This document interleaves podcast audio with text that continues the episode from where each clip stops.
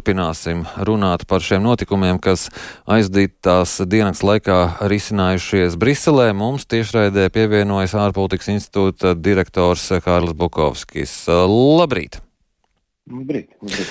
Tātad no vienas puses ir lēmums aicināt uzsākt sarunas par iestāšanos Eiropas Savienībā, Ukrainu un Moldovu. No otras puses ir šis Ungārijas premjerministra bloķētais lēmums par finansiālo atbalstu Ukrainai. Kurš no šiem abiem diviem ir svarīgāks?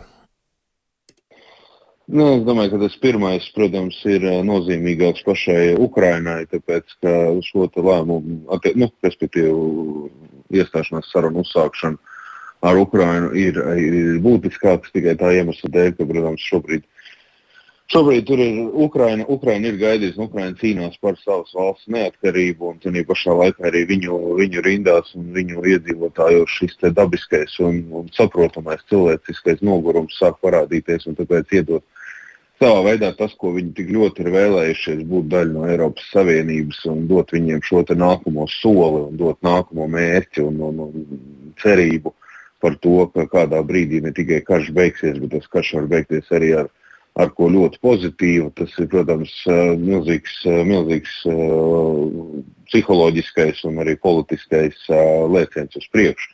Gan, gan pašai Ukrainai, gan arī, gan arī, gan arī, protams, Eiropas Savienībai, ko mēs pamanījām, tad arī Moldovas prezidents faktiski par savu par sarunu uzsākšanu ar Moldovu pateicās tieši Ukrainai, ka viņi, viņi saprot to, ka Ukrainas, Ukrainas situācija ir tā, kas ir palīdzējusi arī Moldovai uh, nonākt, nonākt šajā situācijā un sarakstā. Tas, kas attiecās uz to, kāpēc varbūt tā palīdzības paketes piešķiršana šobrīd nav tik svarīgākais, protams, ka tā ir nu, pile. Uh, darbas pila medus mucā, nepatīkami, uh, bet tā pašā laikā Ukrainai nauda vēl šobrīd iedotā pietiek uz vairākām nedēļām, un tāpēc tas uh, lēmums atkārtoti eh, janvārī, kad būs ārkārtas Eiropa padome, acīm redzot, tad arī eh, šo te mēģinās panākt. Nu, vienkārši teiksim tā, laikam, laikam vienā dienā visu, visus lēmumus pieņemt uh, viegli būtu bijis pārāk, būtu bijis pārāk viegli. Viegli pieņemt lēmumus būtu bijis pārāk viegli. Jā, bet nu, tas ir tā, ka uh, Ukraina tagad iegūst vienkārši sarunas, bet neiegūst naudu. Bet praktiski šobrīd Ukrainai šķiet svarīgāka ir no praktiskā viedokļa nauda, nevis sarunas. Uh, šis psiholoģiskais moments, tomēr, kā jūs sakat, ir būtiskāks. Ja? Nu, šis psiholoģiskais moments un šis vēsturiskais brīdis valstī, protams, ir būtiskāks. Tomēr tikai tāpēc, ka, kā jau saku, par naudu lems vēlreiz. Nauda šobrīd Ukrainai vēl ir. Jā, protams, uh, nepatīkami, ka nevar uz doto brīdi rēķināties, bet nu, es nedomāju, ka janvāra sākumā, tad, kad, kad lēmums par naudas piešķiršanu netiks pieņemts. Nu, mēs šobrīd vairāk varbūt tās bažas ir par Amerikas Savienotajām valstīm, bet tā pašā laikā, pašā laikā tas par Eiropas Savienības apņēmību, es domāju, ka tur nav, tur nav tik ļoti jāuztraucās. Un, kā mēs redzam, Orbāna kungs atrodoties pats savās sevis radītajās, sevis ķīlnieka pozīcijās pret Krieviju, arī tomēr beigu beigās atrod, atrod un piekrīt risinājumiem, pat ja netradicionāliem, lai, lai, lai, lai šo te Ukraiņas virzību vismaz, vismaz nebremzētu. Uh, Šobrīd tas, kas attiecās uz naudas līdzekļiem, tas ir, tas ir pagaidu, pagaidu tikai veto, un mm -hmm. es, es paredzu, bet, ka viņš tiks atcelts. Bet kādi ir iespējami risinājumi naudas jautājumu atrisināšanai? Atkal Ungārijai kaut ko piesolīs, kaut ko atbloķēs, un tad uh, Ungārija neliks sprunguļus ratos? Nu šis, šis princips par vienošanās un, un savstarpējo kaulēšanos, nu, viņš Eiropas Savienības lēmumu pieņemšanas pamatā ir. Un šajā gadījumā vienkārši tas, ka mēs vairāk redzam Ungāriju un ka Ungārija ir viena, kas iestājās. Nu, ja mēs, ja mēs paskatīsimies Eiropas Savienības vēsturi atpakaļ, nu, mums ir bijuši ļoti daudz gadījumu. Visbiežāk tā bija Lielbritānija, ar kuru bija jā, papildus vienošanās jāpanāk. Un ka šī gadījumā tas uh, tas tieši tā tas arī notiekās, ka lūk, mums ir vajadzīgs šeit šis vajadzīgs, tur atkal tas. Jo te jau ir arī lielais jautājums par to, ka Ukra Ungārijai pašai nobloķētie līdzekļi, nu, viņi bija par, par jautājumiem, kurus Ungārija nejūtās, ka viņai kā valstī vispār drīkst pārmest, nu, attiecīgi par demokrātiju un, un, un, labas pārvaldības un cilvēku labas pārvaldības principu ievērošanu. Bet Lielbritānija nebija Kremļa marionete, ko var pārmest Orbānam.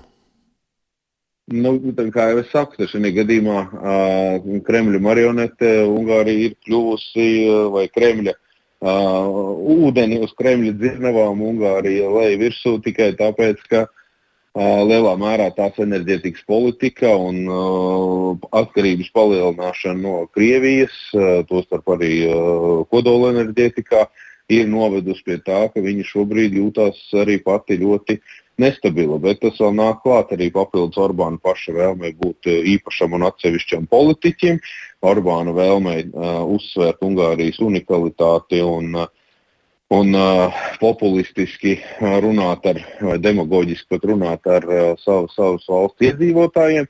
Tā kā tas tā, tā, iemeslu ir vesela virkne. Tas mēs nevaram tikai pateikt, ka nu, viņu ka Orbānu rausta, uh, Orbānu rausta Putins, kā, tā kā viņš dara ar Lukašenku. Nē, te vairāk ir stāsts skaidri un gaiši par to, ka uh, Tāpat tās ir 12 sankciju paketes pieņemtas, kurās Ungārija ir piedalījusies pieņemšanā. Jā, Ungārija varbūt tās mēģina, un Orbāns mēģina būt mazais Erdogans, uh, izmantot savas valsts uh, iespējas, kādas viņam lēmumu pieņemšanas dažādos procesos, dažādās institūcijās ir dotas. Bet, protams, ka viņam tā tā manevrēšanas spēja ir daudz mazāka nekā Turcijai. Viņam ir, protams, jārēķinās ar to, ka viņš beigu beigās ir Eiropas Savienībā, ir NATO un ka tur ir pienākumu un uh, aizsardzību, ko šīs organizācijas konkrēti arī Ungārijai dod.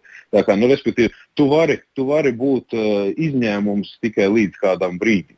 Vienā brīdī tev tomēr ir jāpiekrīt. Jā, bet tajā pašā laikā izskan arī viedoklis par to, ka Ungārija par uh, šādu rīcību principā nu, vajadzētu varbūt slēgt ārā no Eiropas Savienības, bet uh, šādu mehānismu vienkārši nav.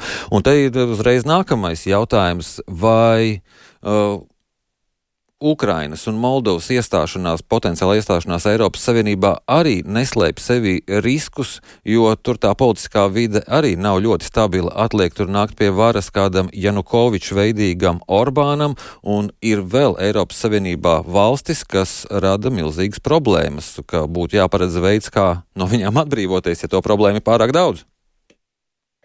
Nu, tāpēc, tāpēc, piemēram, jau vairākus gadus, un te nav runa tikai uh, par Ungāriju vienu pašu, nu, vēl pirms mirkļa arī par Poliju bija tieši tādas pašas runas, kā arī ārpolitikas jautājumu pieņemšanā, kur šobrīd ir vajadzīga vienbalsība, ka izietu vai nu uz kvalificēto vairākumu balsojumu, vai vismaz to principu, kas ir visi izņemot vienu. Nu, ka, respektīvi, ja viena valsts iebilst, tāpat tās lēmums var tikt pieņemts. Uh, tur nav jāiet no telpas ārā, respektīvi, var, var tā viena balss, val, valsts arī uh, arī vienkārši balsot, balsot pret. Tāpēc tie risinājumi, nu, viņi arī šobrīd Ukraiņas uzņemšanas, potenciālās uzņemšanas kontekstā atkal tas, vai Ukraiņa iestāsies Eiropas Savienībā vai Ukraiņa tiks uzņemta Eiropas Savienībā, nav atrisināts jautājums. Šis ir tikai procesa sākums, viens no sākuma posmiem. Tāpat kā ir vairāki noslēguma posmi, tāpat ir arī vairāk sākuma posmi. Un jā, Eiropas Savienības institūcijās jau šobrīd tiek domāts un rēķināts, kā pārbūvēt Eiropas Savienības institūcijas, lai izvairītos no šādām situācijām, ka kāda valsts bloķē, bloķē visu procesu tālāku, tālāku virzību. Bet atkal, mums ir bijuši 60. gados Francija to darījusi. Atkal, kā es teicu, Lielbritānija daudz dažādos jautājumos to ir darījusi. Tāpēc uh, un, un, un, un Nīderlanda un Francija uh, Eiropas Savienības konstitūcijas uh -huh. līgumu nepieņēma. Tāpēc līdz ar to Čehija ir bloķējusi vairākas reizes, īrija ir bloķējusi jautājumus vairāk reizes. Tas, tas ir, tā ir normāla parādība Eiropas Savienībā. Jā. Tas, ka šajā gadījumā Moldova, Ukraina, Uh, protams, ka tur tie riski vienmēr pastāv. Un Ukraiņai būs jāpierāda nākamajās vēlēšanās, ka viņi ir pil pilnīgi spējīga un demokrātiski funkcionējoša valsts, un tur absolūti būs dažādi politiķi. Un visticamākais arī prokremlis politiķi mēģinās jā. cīnīties par varu. Un, vēl pavisam īsi vienā teikumā, ja ir iespējams, vakar, kad notika šie notikumi Briselē, bija arī lielā Putina eh, preses konference gada noslēguma, eh, kas bija izlaista pagājušajā gadā. Eh, cik pārliecinoši viņš izskatījās vakar? Uh, nu, viņš izskatījās, kā viņš izskatījās parasti. Es domāju, ka tur, turpat, turpat uh, varbūt tās nekādas būtiskas pārmaiņas uh, nav.